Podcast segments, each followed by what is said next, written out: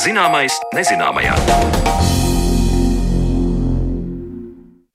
Esiet sveicināti ar jums kopā. Esmu Sandra Kropa un šis ir raidījuma zināmais nezināmajās skanēšanas laiks. Šodien mēs runāsim par to, kā cilvēces radītie produkti, tostarp plasmas un ķīmiskais piesārņojums, ietekmē cilvēku un dzīvo dabu kopumā.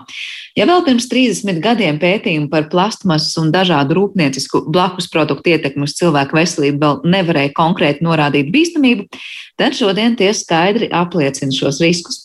Diemžēl šādu bīstamu saražotu vielu apjoms pieaug.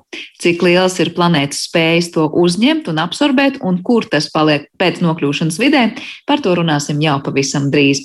Līdz tam uzzināsim, vai neauglība ir saistām ar vides piesārņojumu. Pēdējos gados ir novērota neauglības pieauguma tendence visā pasaulē, un to ietekmē tādi faktori kā gaisa piesārņojums, pesticīdi un kaitīgas ķīmiskās vielas. Kāpēc dzimumšūnas mūsu organismā visātrāk reaģē uz šiem negatīviem faktoriem un kāda ir vīriešu reproduktīvā veselība Latvijā? Par to turpmākajās minūtēs Zanas Lāsas Baltalksnes ierakstā.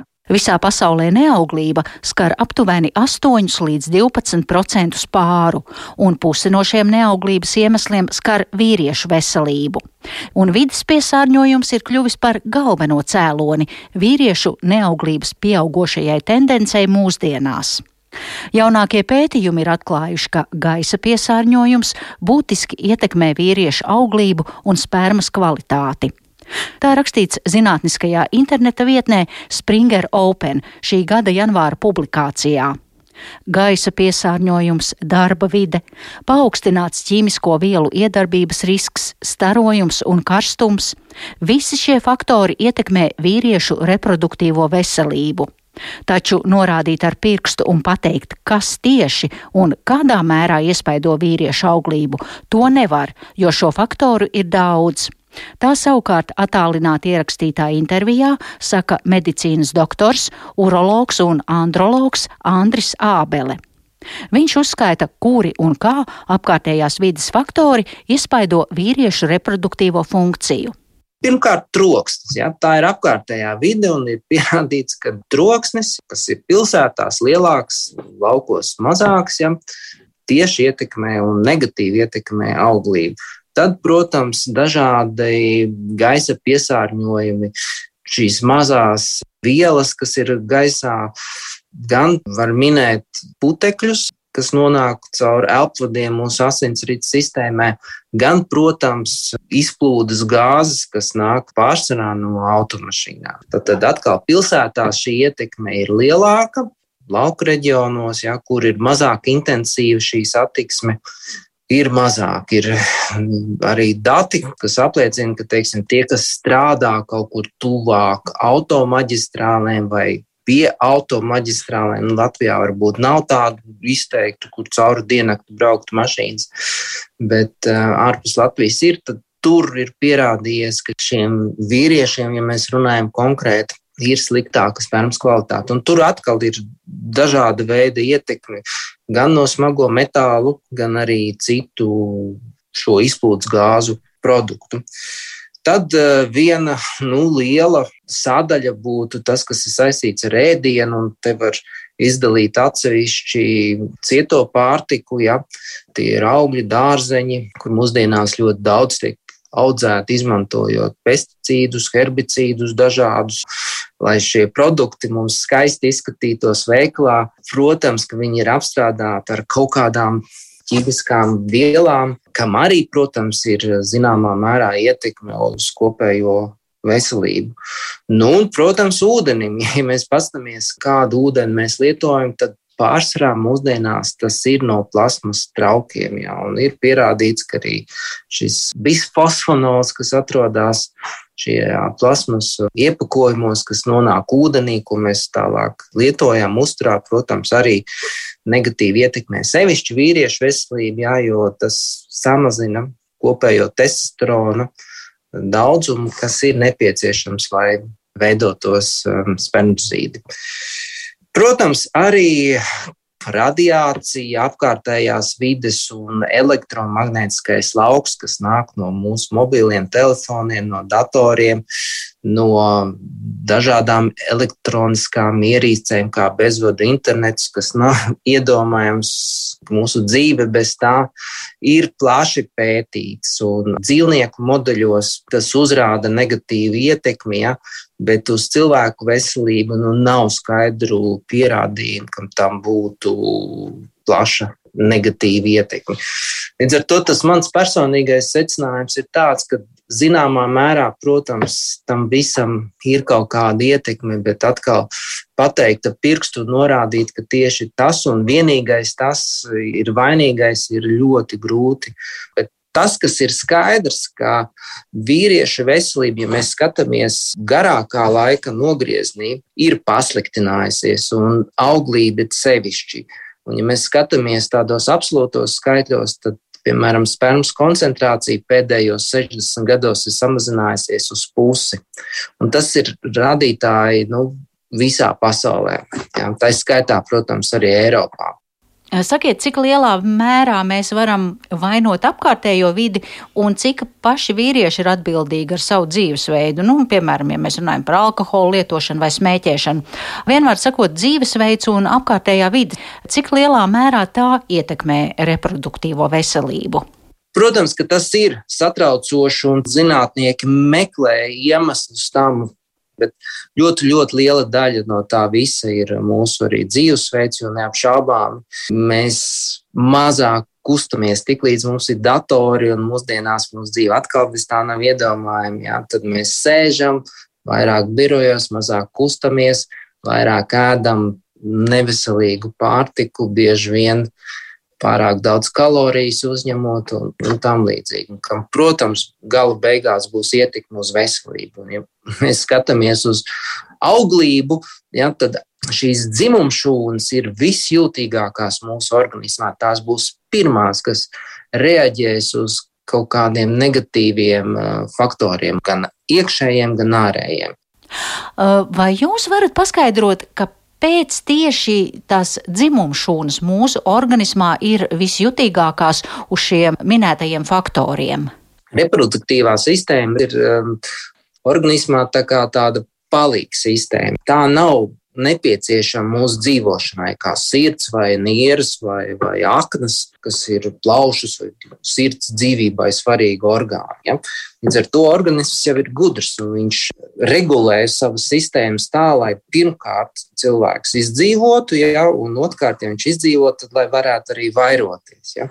Un līdz ar to Tā kā reproduktīvā sistēmā ir, ir šūnas, no kurām savukārt veidojās spermzīdi, šīs šūnas ir ļoti jūtīgas pret niecīgām izmaiņām mūsu organismā. Nu, piemēram, kaut vai temperatūra. Ja mēs saslimstam ar kādu vīrusu vai slimību, mums paaugstinās temperatūra, tad šo šūnu funkcija krasi samazinās, jo organisms koncentrē spēkus, lai uzturētu dzīvību un atstāja to reproduktīvo funkciju otrajā plānā. Ja?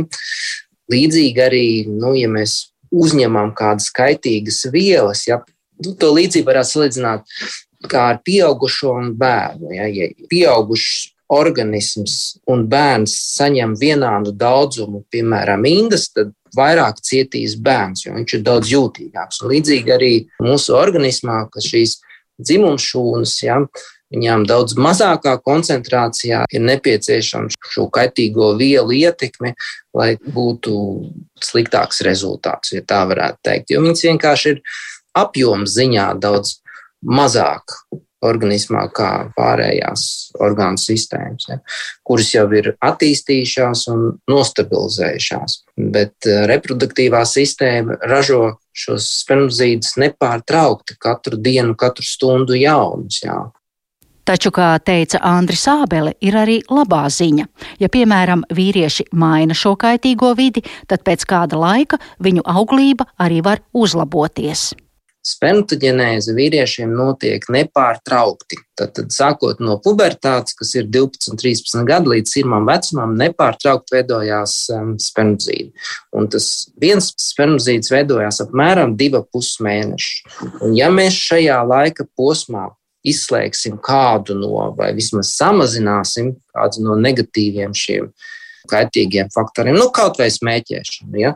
Tad pēc trīs mēnešiem mēs jau sagaidīsim labākus šos rezultātus. Katrā ziņā to, ko es esmu redzējis savā praksē, ja, piemēram, ir bijis ļoti saspringts vai stresains darbs, un šis darbs ir nomainīts uz kādu mierīgāku vai mazāk intensīvu, tad ir uzlabojušās auglības rezultāti. Neapšaubām, pamainot šo dzīvesveidu, arī ļoti bieži mēs novērojam uzlabojums. Tā kā ir lietas, protams, ko var ietekmēt, bet, piemēram, gaisa kvalitāti mēs maz varēsim ietekmēt, nu, ja mēs vien nemainām savu dzīves vietu. Bet te jau atkal jāņem vērā ir cita lieta, jo gaisa ietekme, gaisa kvalitāte, tas jau nav tikai tas gaiss, kas mums ir ārā. Ir ļoti svarīgi tā telpa, kur mēs atrodamies. Nu, tādu lielu daļu mēs atrodamies darba vietā, ja, vienu lielu daļu mēs atrodamies mājās. Te atkal ir svarīgi, kādi ir materiāli būvniecības mājās izmantot, kādas ir sienas, ar ko viņas ir krāsotas, kādas ir grīdas kādus sadzīves ķīmiju mēs lietojam. Tam jau arī ir ļoti liela ietekme. Kā jau Andris Ābele minēja, bisfenols, kas ir galvenā plastmasas sastāvdaļa, ietekmē reproduktīvās sistēmas funkciju. Kā tieši bisfenols ietekmē vīriešu spermas kvalitāti, tas joprojām tiek pētīts. Taču, ja salīdzina tā teikt ilgadīgus plastmasas lietotājus ar, piemēram, Latvijā dzīvojošiem vīriešiem, tad mūsu kungiem reproduktīvās veselības rādītāji ir krietni labāki nekā citvietē Eiropā. Latvijā es teiktu tā, ka ir salīdzinoši labi tā apkārtējā vide un arī mums tā ietekme tam, nu, kādai plasmašu pudeli lietošanai nav nemaz tik ilga. Nu, pastamies kā tad bija pirms Latvija atguva neatkarību, tādas plasmas pudeles mēs praktiski neizmantojām. Tikai tagad, nu, pēdējos 20, 30 gadus tas ir plaši. Ja? Agrāk jau viss bija stikla tarā lielākajā vai mazākajā mērā. Tā kā uz Eiropas fona Latvija izskatās vēl labi, ja? un arī auglības ziņā mums rādītāji vīriešiem ir daudz labāki kā vidēji Eiropā. Un tas ir tikai tāpēc, ka mēs vēl neesam pilnībā pārņēmuši šo nu, rietumu dzīvesveidu. Bet nu, neapšaubām mēs agrāk vai vēlāk tuvosimies arī tam, un mums tie rādītāji pasliktināsies. Tik tālu par neauglības saistību ar vidas piesārņojumu, bet raidījuma turpmākajās minūtēs pievērsīsimies kādam pētījumam, kas liek domāt par ķīmisko vielu ietekmi uz cilvēku un vidi daudz plašākā mērogā.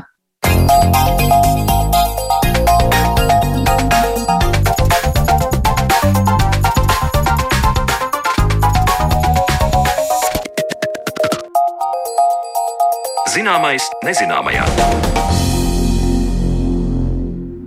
Klajā nācis pētījums, kurā aprēķināts, cik piesārņotā pasaulē mēs dzīvojam, un precīzāk sakot, ir analizēts tas, cik ļoti esam piesārņojuši planētu ar cilvēku radītām sintēzētām ķīmiskām vielām. Cik tālu tas pārsniedz planētas izturības robežas un kas īsti ir atklāts pētījumā par to visu sīkāk un plašāk, mēs runāsim ar mūsu Šīs dienas studijas viesiem pie mums viesos inženierzinātņu doktora un vidzemes augstskolas pētniece Jāna Simonovska. Sveika, Jāna! Sveicināti! Un arī Rīgas Stradiņu universitātes profesors un darba drošības un vidas veselības institūta direktors Ivars Vanadziņš. Labdien, Ivaram arī! Labdien! Es sākšu varbūt ar to, kas tad ir šajā pētījumā, un lūkšu to paskaidrot varbūt Janai, jo es zinu, ka Jana ir jau ilgi gaidījusi, lai šāds pētījums būtu publicēts, un es saprotu, ka ir gana iedziļinājusies tajā, kas un kā ir pētīts. Jana, varbūt pavisam vienkārši, ko tad tas ir atklājis? Jā.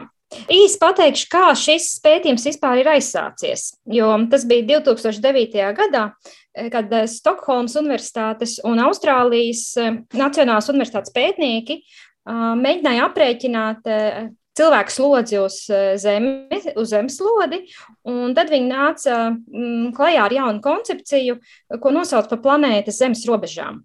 Un viņi to sadalīja tādās deviņās jomās, skatījās, piemēram, eitrofikāciju, klimata pārmaiņas, biodaudzveidības samazināšanos, un mēģināja katrā no šīm sfērām aprēķināt, vai mēs pārsniedzam šobrīd tā zemes robežu, tātad cik tā zeme spēj mūs paciest, vai arī vēl viss ir kā ir drošās robežās. Un, eh, viena no tēmām bija arī par uh, jaunajām, viņi to nosaukuši kā novelitātes. Latvijas, es pat nezinu, kā to pārtulkot par jauninājumiem. Uh, ar to viņi domāja, piemēram, ķīmiskās vielas sintētiski radītās, kā arī plasmas, ko cilvēks ir radījis, un citus jaunievedumus, ko cilvēks ienes vidē. Un toreiz, ne 2009. gadā, ne arī vēlāk, kad viņi pārskatīja, viņi nebija spējuši novērtēt, cik kritiski tā ietekme ir. Ja teiksim, citās jomās viņiem bija aprēķini, lai varētu pateikt, cik tālu mēs pārsniedzam zemes robežu, vai mēs esam tomēr drošībā, tad šajā ziņā viņi to nespēja toreiz pateikt. Un tagad Uh, nu, pat ir iznācis uh, jauns pētījums, kur viņi mēģināja tieši noteikt, cik liela ir tā slodze, ko cilvēks rada, radot jaunas ķīmiskas vielas un plasmas piesārņojumu. Un, diemžēl, kā jau es to sagaidīju, saku godīgi, uh, šī slodze tālu pārsniedz mūsu iespējamās robežas, jo viņi skatījās, cik daudz mēs saražojam jaunās vielas un plastmasas, cik mums ir daudz zināšanu par šo vielu īpašībām, un cik mēs spējam tās apsaimniekot tā, lai tās nokļūstot vidē neradītu riskus. Un, Visur izrādās ir ļoti nopietni, varētu teikt, pārsniegumi. Pirmkārt, mēs ārkārtīgi daudz šādas vielas ienesam vidē. Tur viņi skatījās, salīdzinoši ar pagājušo gadsimtu, mums ir 50 reizes audzes ķīmiskās rūpniecības produkcijas apjoms. Daļa no šīm vielām nokļūst vidē, Un turklāt vēl visas projekcijas rāda, ka mēs palielināsim gan ķīmisko vielu ražošanu, gan arī uh, plasmasu ražošanu, novadīšanu vidē. Tā pašā laikā tās mūsu zināšanas par šīm vielām ir nepietiekošas. Un te man atkal ir jāsaka, mums kā Eiropā ir labā puse, ka salīdzinoši ar citām pasaules daļām Eiropas Savienībā tās zināšanas uzlabojās, bet to nevar teikt par, par daudzām citām valstīm. Un liela daļa no šīm vielām un arī plasmasām nokļūst apkārtējā vidē. Un atkal skatoties, kāda ir tā miedarbība ar vidi un kāda ir tā ietekme, faktiski jau pētot tikai atsevišķas vielas, ir redzams, ka mēs esam pārsnieguši tos drošos līmeņus, lai mēs teiktu, ka šis piesārņojums neietekmē mūsu, neietekmē pārējo dabu. Bet par tām vielām, tātad es saprotu, tur tiek apskatīts gan tas, kas ir jaunināts un jauni radīts, vai arī vispār jau labi zināmās, cik ļoti lielos apjomos mēs tās ražojam un, un novadām apkārtējā vidē. Jā, ir gan, tās, gan tas, kas vēl aizvien tiek radīts, gan arī eh, tas, ko cilvēks varētu runāt par pagājušo gadsimtu, ja, ko cilvēks ir radījis, ko viņš ir sintēzējis, eh, kurus mēs lietojam. Un mm. arī ir arī atsevišķas vielas, kuras it kā uz Zemes atrodas jau ļoti sen, piemēram, smagie metāli, bet cilvēks ar savu darbību tos ir atkal ienesis vidē. Teiksim, agrāk tie smagie metāli atradās zemes garozā, un būdami zemes garozā, viņi arī neko daudz neietekmē, bet mēs esam iemācījušies eh, šos metālus atgūt no rūdām, un mēs viņus atkal ienesam vidē piesārņojuma veidā. Tad var teikt, tas jaunais un pārsteidzošais, vai nu, patiesībā ne pārsteidzošais, bet prognozētais ir, ka šie mm, planētas iespējamās robežas konkrēti attiecībā uz ķīmisko piesārņojumu nu jau ir pārsniegtas. Tā mēs varam teikt, ja šis pētījums to ir parādījis.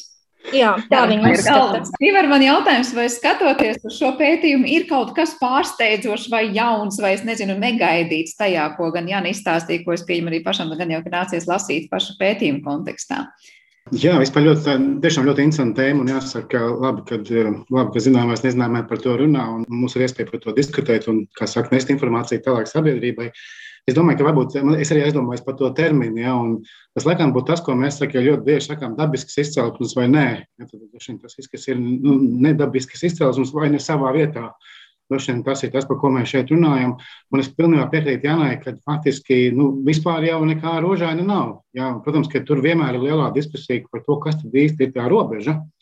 Un kamēr mēs viņu tā pa īstam nesasniegsim, mēs to nekad neuzzināsim. Droši vien tādas, cik tā ir olimpiskās spēles, tādā sporta analoģijā runājot, nu, mēs vienmēr zinām, ka tur, nu, kad nevar, tad vēl īstenībā vari. Jā, nu tā vienkārši sakot par sportu. Bet, bet būtībā īstenībā ļoti interesanti lasīt, ļoti uztraucoši lasīt, un arī ļoti liels pārdomas radošs temats. Faktiski arī jāsaka tā, ka arī nu, tajā nu, vidas ietekme, šo lietu ietekme uz veselību, nu, tur tie pētījumi pamazām krājās, jo, godīgi sakot, tā joprojām ir ļoti maz pētīta tēma. Bet nu, ir iezīmējušies tie galvenie virzieni, par ko būtu jā, jādomā, un kas noteikti visticamāk, kāds no viņiem nu, būs problēma, būs būtiska problēma. Kur ir tie virzieni? Pirmais, laikam, ir jāsaka tā, ka nu, varbūt paskatāmies uz cipariem. Jā, vienkārši jā, jā, jānodrošina vēl papildinās mani, bet kopumā ņemot, ir tātad, nu, ir pirmkārt jāsaprot, ka mēs runājam par kaut ko ļoti mazu. Ja teiksim, mēs runājam par mikroplasmas konkrēti, nu, apsakieties no ķīmiskajām vielām, nu, kas ir vēl tikai paralēla lieta. Tad faktiski nu, mums, mēs runājam, nu, izmērs zem 5 mikrometri vai nanomikroplasmas zem, zem 100 nanometriem. Ja, tad, tas ir ļoti mazas daļiņas, un viņas ir faktiski ārkārtīgi grūti saprast, ko viņas īsti dara, kad nokļūst ķermenī. Bet skaidrs, ka viņas nokļūst nokļūst diezgan lielā daudzumā. Tie raksti, kas kā, nu, ir pieejami, tādi no labākie no viņiem un ticamākie no viņiem, nu, saka, runā par kādiem 50 līdz 100 tūkstošiem, nu, plus mīnus tur kā kurš daļiņām katru gadu, ko mēs tātad vai nu pēdam, visbiežākais veids, ielapojam, otrs biežākais, vai drusku, drusku uzņemam arī savu rādu. Un, protams, ka varētu domāt, nu, 100 tūkstoši kaut kāda maza sīkuma, nu, otru galu izskan ārā. Kāda tur problēmas atvainojas patiešām, jā, vai, vai tāda nemedicīniska izteikšanās. Bet īstenībā tik nevainīgi jau tomēr nav, jo katra no viņām ir pirmkārt tas, ko Jārmāna noteikti papildinās, katra no viņām īstenībā ir maza tāda Pirmkārt, pilnīgi nezināms izcelsmes viela, kas ir kaut, kas pus, kaut kāds pusnoādīšanās produkts ar kaut kādām krāsām, fermentiem, ķīmijām, enzīmiem, liesmu slāpētājiem uz virsmas. Un kaut kā katra tā mazā daļiņa, tāda maza, nu, viņa nav teiksim, tikai cukurgraudiņš. Ja? Tur, ir, tur ir iekšā Dievs vien zina, kas. Ja? Un tas ķermenis ar viņām cīnās. Un tās lielākās bažas, protams, ir, ir vairākas, ja? bet nu, tas varbūt tie skaļākie vārdi, teiksim, tie oksidatīvie stresi citotoksicitāte, teiksim, izmaiņas metabolismā, iespējama kancerogenēze. Ja, tad tie ir varbūt skaļākie virzieni.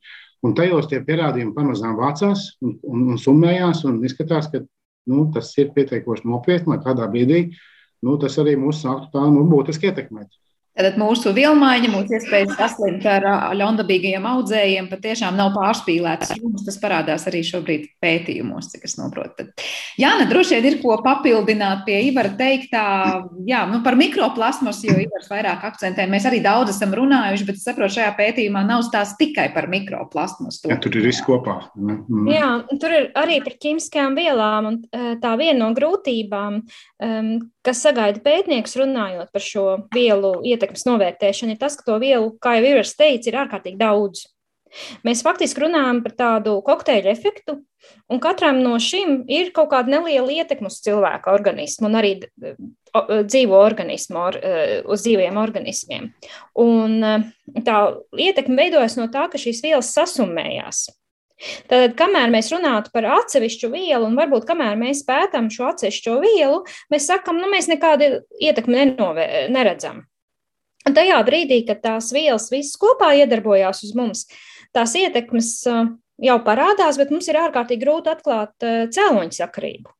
Jo zinātnieki vienmēr grib redzēt, nu, kur tā viela, kas to izraisīja. Bet, ja mēs runājam par veselu kokteili, kā mēs varam nokļūt pie šīs cēloņa sakarības, un otrs, kas ir arī, man liekas, nopietna problēma, par ko mēs neaizdomājamies, mēs kaut kā domājam, ka mēs tā cilvēki esam, nu, karaļi uz zemes, vai ne? Bet mēs esam atkarīgi faktiski no dzīvās dabas. Nu, ko mēs ēdam? Mēs ēdam lauksaimniecībā audzētus produktus. Lauksaimniecībā audzētie produkti radās no kurienes? Viņi aug augsnē. Un mums ir ārkārtīgi svarīga augsne. Un augsne nav vienkārši kaut kādas minerālu vielas. Augsne ir pilna ar dzīviem organismiem, kuru miedarbība savukārt nodrošina augsnes auglību, un arī, kas ir ārkārtīgi svarīgi, augu saknēm. Tieši tāpat kā mēs zinām, ka mums šobrīd ir ļoti svarīga mūsu zārnu mikroflora, un ka traucējumi zarnu mikroflorā mums var izsaukt dažādas traucējumus. Tieši tas pats ir arī augiem un ar augsni. Un savukārt, mhm. atkal, kas skatās uz to pašu mikroplasmasu, šobrīd jau runā par to, kā tā ietekmē augsnes dzīvniekus, augsnes organismus. Un tur ir tās ietekmes. Un mēs īstenībā nezinām, cik daudz tie augsnes organismi arī var apēst cik viņi spēj droši pārstrādāt, un arī ir dati, kas rāda, ka tad, kad iziet cauri mikroplasmasa, cauri augsnes organismiem, tā kļūst vēl par nanoplastmasu, kam ir atkal daudz spēcīgāka ietekme, un kas mums uz mūsu ādas, uz mūsu ķermeni, viņi nonāk arī daudz vieglāk, jo viņi ir vēl mazāka. Uh, sakot, mums ir lielais nezināmais priekšā. Jā, un, un papildinot, Jānis, tikai gribētu pie, piebilst, ka vienkārši nu, mums tiešām jāstāsta tas viss cikls kopumā. Ja, piemēram, kaut kā elementāri mēs pieminējam šo metabolismu izmaiņu, mēs automātiski kā, kā radības kronis attiecinām uz sevi. Ja? Bet īstenībā mm. jau, tas jau sākās tajos augstnes organismos, un tur tie pētījumi, ka, piemēram, daļa no tām vielām, viņas, piemēram, ir hormoniem līdzīgas pēc struktūras, un tas, tas organisms, vienalga, vai tur maza pele vai, vai, vai zivs vai kas, viņi, viņi nesaprot. Ja? Un viņš pēkšņi kļūst vienkārši, nu, viņš ir pārstimulēts, viņš divreiz vairāk ēd. Viņš kaut ko nomāca citu, kas ir viņam dabīgais ienaidnieks. Ja? Tur šie cikli un tie, tie, tās ietekmes ir tik ārkārtīgi grūti vispār kopsakarībā saredzamas, ja? tas ir tas, kas rada tās lielās bažas. Kāds no tā visa būs, ka kaut kas no tā visa būs potenciāli ļoti, ļoti bīstams. Mēs nezinām precīzi vēl kas. Un tikai gribētu piebilst, ka tas ir tiešām pašlaik intensīvāk pētīts, un tikko arī šogad, tieši aprīļa beigās, būs noslēguma konference. Beidzas eh, Eiropas biomonitoringa milzīgais eh, projekts, ja, kur ir arī pētīts par jaunu, izvērtēts nu, 50 vairāk dažādu vielu vai vielu grupu ietekmes. Ja, arī viens no tiem atzinumiem ir, ka faktiski mēs, mums daudz kas ir jāpārvērtē ar jaunām zināšanām. Mēs teiksim, piemēram, svins, ko mēs jau bijām aizmirsuši, izrādās nekur nav pazudis, tas, ko jāatcerās par smagajiem metāliem apritē, piemēram. Ja.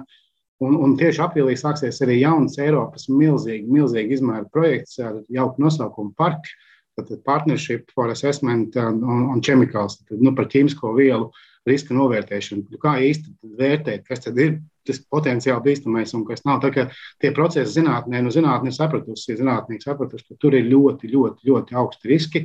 Jā, un tie instrumenti tam mēģina sekot, bet mums ir nenormāli daudz nezināmā, vienkārši nenormāli daudz. Bet arī par to, kas Jānēva arī teica par to kokteļa efektu, nu, cik bieži mēs Latvijā, man liekas, joprojām laužam šķēpus dažādās diskusijās par tiem pašiem pesticīdiem, kur vieni apgalvo, ka mm. tas ir normas robežās, bet tāpat laikā uz jautājumu atbildēt nevis nevar, vai jūs skatāt to tikai, tikai minēt, pie, jā, tikai minēt piemēru, mēs joprojām esam tā kā vainīgi. Mazliet, mēs tieši šodien vēl runājam sapulcē, ka mēs neesam publiskojuši tos mūsu pētījumu rezultātus, kur Latvijā diezgan daudz simti cilvēku nodeva savus urīnu paraugus, un mēs mums bija iespēja noteikt pesticīdu atliekas. Ja, tas tiešām ir fascinējoši dati, bet tur viņas ir ārkārtīgi grūti interpretēt. Mēs tieši pašlaik nodarbojamies ar visu Eiropu kopā. Kaut kā tikai viens piemērs ir viena viela, kuras, nu, kuras nosaukums tieši nespēju atcerēties, atvainojos. Un, uh, viņi, teiksim, viņi ir konstatēti urīnā, bet viņi īstenībā, piemēram, ir viela, ko izmanto cilvēks, teiksim, nelieto neko. Nu, viņš dzīvo uh, tīrā vidē nelieto neko, tur, kam ir virsū pesticīdu un tam līdzīgi. Turīnā ir. Un izrādās tā viela ir tā, ko izmanto, teiksim, kart, lai, man, lai samazinātu kartupeļu dīkšanu veikalos, noliktavās. Ja? Viņi, viņi pie, pievieno drusku tur, un cilvēks pērk lielveikalā kartupeļus, ja? un, un viņam viņi ir urīnā. Un tad, un kas, nu, kā tā, tās ķēdes, viņas var būt tik neticamas reizēm, ja? un kā tas tiešām mēs ar jutīgām metodēm paskatāmies, Tad redzam, un, protams, vienmēr ir jautājums, nu, tur 0,5 kaut kāds piko nanograms kaut kāds nu, strūns ar viņu. Bet atkal, ja mēs, piemēram, runājam par hormonālu iedarbību, jau runājam par kaut kādu reproduktīvo toksicitāti. Ja? Tās ir ļoti, ļoti, ļoti super smalki mehānismi, kur to līdzsvaru izjaut ir ārkārtīgi vienkārši. Ja? Tas tiešām ir, nu, te, tiešām tas ne, te nav tas zināmais, nezināmā, te ir nezināmais, nezināmā. Ja? Tā varētu pārfrāzējot teikt. Tad stāsta par to, ka maza koncentrācija nenozīmē, ka būs maza ietekme. Nē, nē jo, jo, jo tiešām ir tās kompleksās iedarbības, ja? un tiešām ir tas, ka veidojas, piemēram, tajā pašā telpas gaisā vai vispār gaisā. Ja? Mums veidojās tā saucamie sekundārie un terciārie savienojumi. Viens izrēģēja ar vienu, radās otrais, tas reaģēja ar trešo, un radās ceturtais, un tā aiziet tā ķēde patiesībā nezināmā, nezināmā attālumā. Ja, ko mēs no tā uzņemam? Nu, es domāju, ka īpaši tagad, kā pandēmijas kontekstā, visiem gribās tādu jā, nē, skaidru kaut kādu atbildi. Ja. Bet šis ir vēl vairāk par SARS-CoV-2 runājot. Tas ir tas jautājums, kur mēs nevaram precīzi pateikt, jo mēs vienkārši, godīgi sakot, uh, Mums ir daudz aizdomu, ja, bet mums nav tādu ļoti konkrētu, nu, nav daudz tādu ļoti konkrētu lietu, ja, kas ir zināmas, pilnīgi skaidri. Mm -hmm. Jā, jā nē, droši vien bija kas piebilstams pie tikko teiktā. Ne, es domāju arī piemēram, par pašām klimata pārmaiņām, cik mums grūti bija aptvert to, ka klimata pārmaiņas notiek, un tad, kad zinātnieki jau sen bija teikuši, ka notiek, un tas jau notika kaut kādos 90. gados, zinātnieki par to ļoti skaļi runāja, pirms 30 gadiem, ja, un beidzot mēs esam sapratuši, tad šeit ir pat vēl sarežģītāk, jo ja klimata pārmaiņas izraisa eh, noteikts daudzums ķīmisku vielu, Dažas no tām mēs arī cilvēka ievadām vidē. Tad runājot par šo ķīmisko piesārņojumu, tur ir eh, nu, tūkstošiem vielu, eh, kas ir daudz grūtāk. Un arī es zinu, tad, kad mēs runājam, visi it kā atcerās paracelzu, kurš ir teicis, ka uh, indi nosaka doza, nu, jeb kas ir zāles vai indi. Un, diemžēl attiecībā uz atsevišķām ķīmiskām vielām viņas nekad nav zāles. viņas nekad nav mums vajadzīgas. Mm, tas ir skaidrs zināms no sākuma. vai ne? Un tās ir kaitīgas jau ārkārtīgi mazās devās. Un pie tam vēl, ka viņas visas sasumējās kopā, jo mūsu organisms jau arī ļoti smalks. Piemēram, arī mūsu organismu vispār regulē hormoni. Un šīs vielas, kas miedarbojas ar mūsu hormoniem, tur vajag ļoti, ļoti neliels daudzums, lai tās miedarbības būtu neparedzams. Mm. Es domāju, ka klausītāji vai nākamo reizi, tie, kas, tie, kas diemžēl spiest lietot kādu medikamentu smalkāku, uh, lai nākamo reizi pastāstītu uz tām devām uz medikamentiem. Tur ir teiksim, 2 mg, 0,5 mg. es te mēs runājam, un, un, un ir efekts. Galvenais nav tā, ka nav efekts. Ja uzreiz kaut kas mainās. Ja, tur sirds daudzās vai nedaudzās vēl kaut kas. Ja. Es vienkāršoju. Bet restīvi mums tiešām nevajag, nevajag karoti. Mums pietiek ar nano vai mikrogramu, ja, lai teiksim, iespējams. Un tas notiek kaut kādu laika periodā, kuru mēs nemaz nepamanām katru dienu uzņemot. Ja. Un da, no tām vielām viņas vienkārši viņas paliek, un par tām pašām mikroplasmasām, ja, piemēram, viņi, viņi jau ārā dabūt vairs īsti nevar. Ja viņi, teiksim, aknās nosēžās, viņi jau tur paliek. Ja. Un, labi, tās ir 50 tūkstoši mazas, mazas daļiņas, kas ir visas kopā nav redzamas aiz naga, ja. bet tas ir katru gadu. Ja. Mēs dzīvojam 80 gadus. Ja, un tas kopā tie, tie summāri efekti ir nu, diezgan, kādā ziņā nevar teikt, ka, teikt, ka varam atslābt un tur viss ir kārtībā. Nu, Nē, visticamāk, ka kaut kāda ietekme ir un būs. Jā, nu, cilvēki parasti grib saprast arī tās ietekmes, varbūt nu, tādā redzamākā un dzirdamākā formā. Es nezinu, vai tas ir mīts vai patiesība, ka tieši ar mikroplasmas varbūt saistām šīs kairinātās zarnas sindroma vispār problemātika, vai tā ir vispār nu, ļoti tāda daudziem, es pieņemu, mūsu klausītājiem aktuāla lieta. Mēs varam teikt, ka virkne ar saslimšanām vai nu, sliktu pašsajūtu, kas cilvēkiem ir, mēs jau šobrīd varam teikt, tas ir tās mikroplasmas ietekmes dēļ?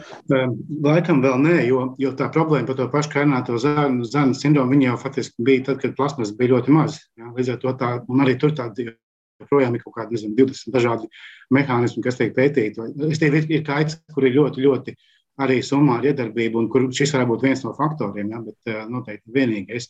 Bet nu, ir atkal kaitas, kur, protams, gan mēs diezgan skaidri varam sazīmēt to, to aizdomās turamo ja, un saprast, ka, piemēram, ir kaut kāds tur endokrīnās sistēmas jaucēja viela, kas ir skaidri zinām ķīmiski noteikta, ja, kur, teiksim, tur ir līdzīgi kaut kādam teiksim, konkrētam hormonam, ja, un tad ir kaut kāda ietekme teiksim, uz reproduktivitāti. Piemēram, tur nu gan tās ķēdes ir virkni jau ir labi sazīmētas. Ja, tā kā, nav tā kā arī, ka neko nezinām. Ja, bet, bet tā ļoti vienkārši teikt, ka šitais par to atbild.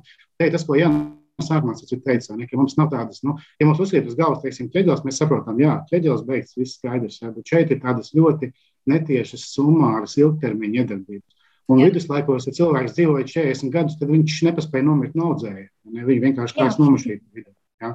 Mēs dzīvojam tagad 80 pusgadus, un skaidrs, ka tās iedarbības gadtajā ilgajā dzīvē viņas sakrājās. Arī mūsu dzīve šogad, eh, un pagājušajā gadā, un nākamgad noteikti salīdzinot ar viduslaiku cilvēku būs gan intensīvāk, gan piesātinātāk. Ne tikai mm. mūža ilgums to noteiks. Es gribēju vaicāt, kas ir tās galvenās nozares vai jomas, nu, kas varbūt šī pētījuma kontekstā parādās, kas ir vainīgas par tām nezinu, vielām. Vai tā ir, mēs runājam par farmāciju, vai mēs runājam par ķīmisko rūpniecību, nezinu, tad, kad mēs mazgāšanas līdzekļus ražojam vai ko citu. Jā, nevarbūt ir kāds, es nezinu, tops, kuru, kuru no, nolasīt. Tā, nu, tā problēma, ka, diemžēl, faktiski gandrīz Viss ir vainīgs, es teiktu tā. Nu, nerad cilvēkiem liekas, ka pie visi ir vainīgi tieši farmācija un ķīmiskā rūpniecība, un es teiktu, nu, farmācija mieru. Farmācija mums ir svarīga. Tiešām te nav runa par tādu veidu farmāciju.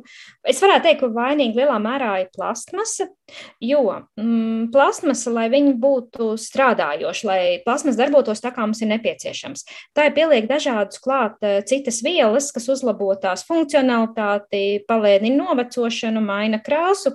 Un eh, faktiski par šīm vielām mums ir ļoti maz zināšanas, eh, ko pieliek klāt, ko ražotāji pieliek klāt.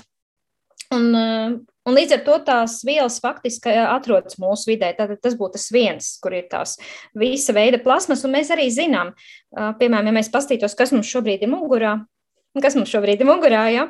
agrāk mums varbūt bija drīzāk kokvilna, Vēl senāk, varbūt bija līnijas šķiedra. Ja šobrīd mums jau ir ļoti daudz sintētisku apģērbu, un katram šim apģērbam ir arī kaut kādas tās ķīmiskās sastāvdaļas.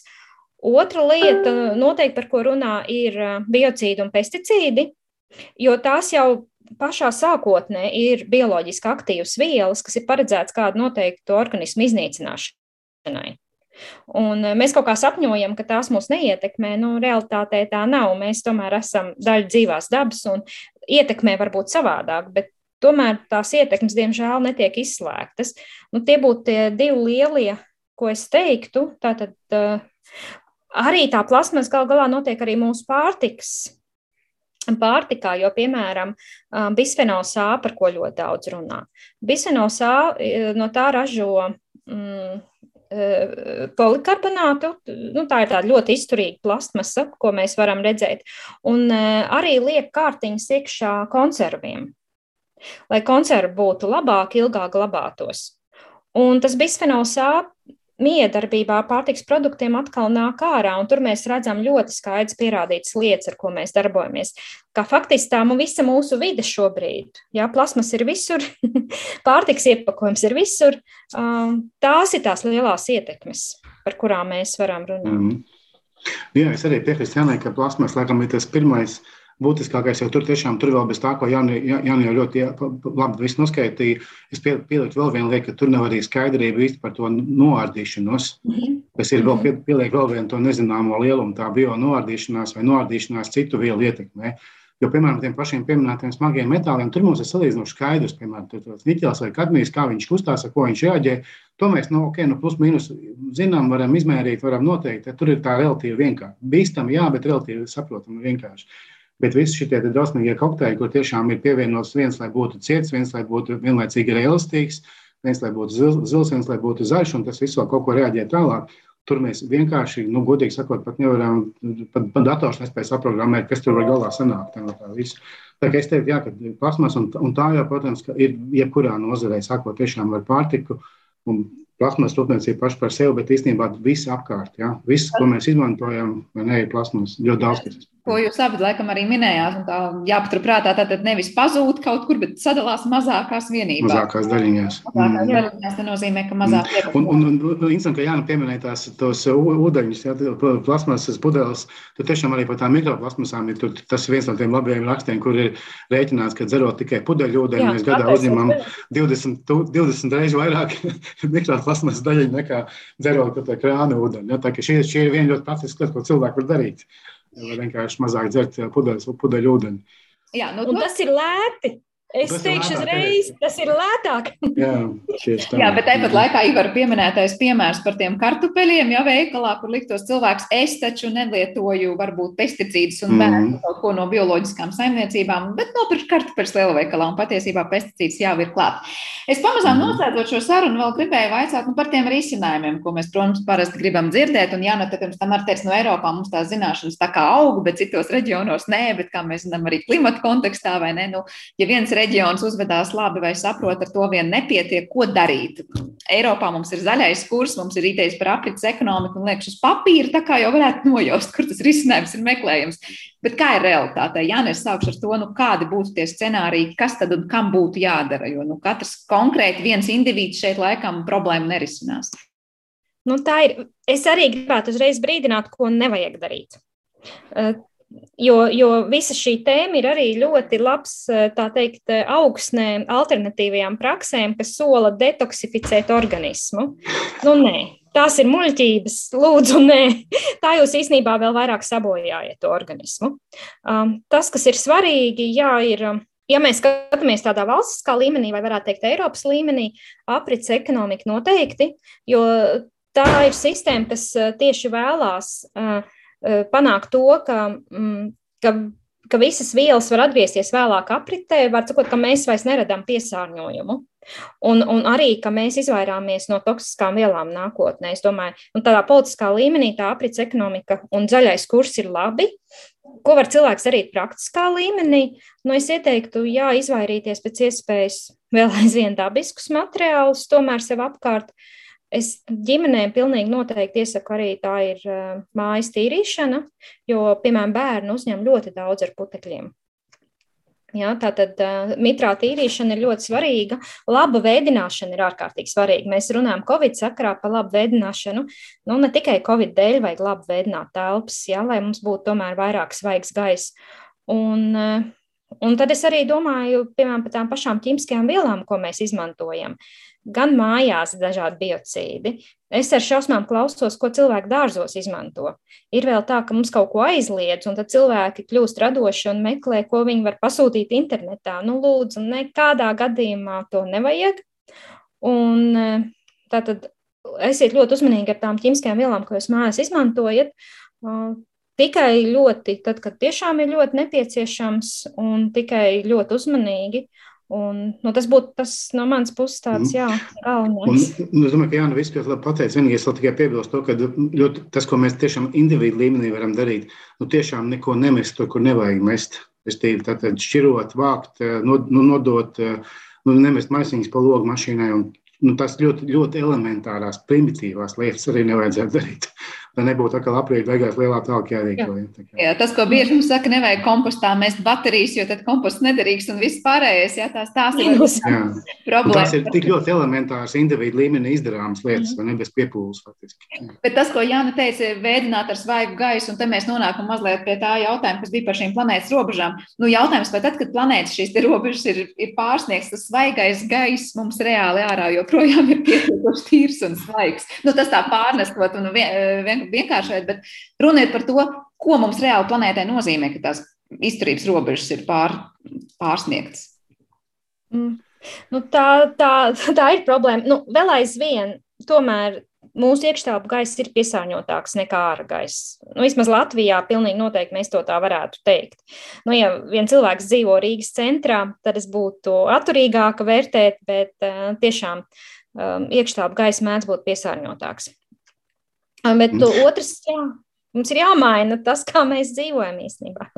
Mm. Bet vispār ļoti labs jautājums, Sandra, jo, jo tas tiešām ir, nu, vienkārši tas ilgtermiņā tiešām nozīmē to, ka, piemēram, mums nebūs tāds bez tādas milzīgas piepūles pieejams kaut vai tas, kas mums tagad likās pašsaprotam tieši ūdens, jo viņš ir kaut ko drusku būs jau piesārņots, jau, jau, jau no avota.